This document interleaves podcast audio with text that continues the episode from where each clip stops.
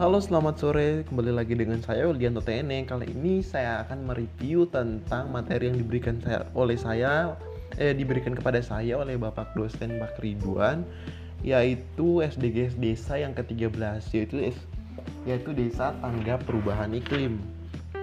Nah perubahan iklim itu terjadi karena uh, tingginya CO2 CO2 itu dihasilkan dari asap kendaraan bermotor ini bisa juga disebabkan oleh banyaknya hutan yang gundul sehingga uh, tumbuhan itu menye menyerap karbon dioksidannya itu udah sedikit yang yang akhirnya itu bisa merusak lapisan ozon dan asap pabrik itu menaikkan menurut UNDP tahun 2019 itu kalau uh, pemanasan global itu naik 50%. Wow.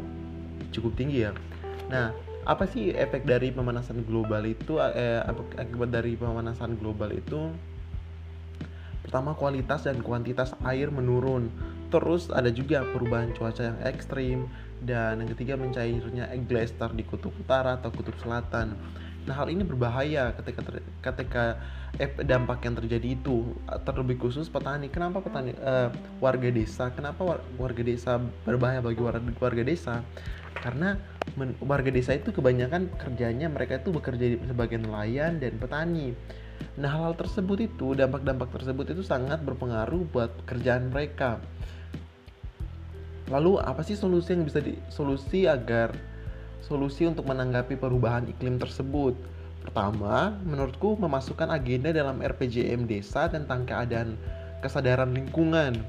Terus kita juga bisa memberikan pemahaman masyarakat kepada masyarakat itu tentang pengelolaan sampah organik dan non organik Terus uh, bekerja sama dengan perguruan tinggi dalam mengembangkan pola tanam yang berkelanjutan. Jadi kayak biasanya kan mereka tuh terbang tebang hutan untuk apa namanya? membuat ladang. Nah, itu bisa hutan yang mereka tebang itu bisa direboisasi kembali. Terus yang terakhir memberikan pemahaman dan penguatan kapasitas dalam melakukan adaptasi perubahan. Nah, perubahan iklim pasti akan terjadi. Nah, jadi kita kita perlu berada perlu pemahaman kepada masyarakat agar kita tuh perlu beradaptasi. Nah, terus solusinya itu apa, apa ada dasar hukumnya? Ada. Dasar hukumnya ter, tertuang dalam Peraturan Kementerian Desa Pembangunan Daerah Tertinggal dan Transmigrasi nomor 13 tahun 2020 tentang prioritas penggunaan dana desa tahun 2021.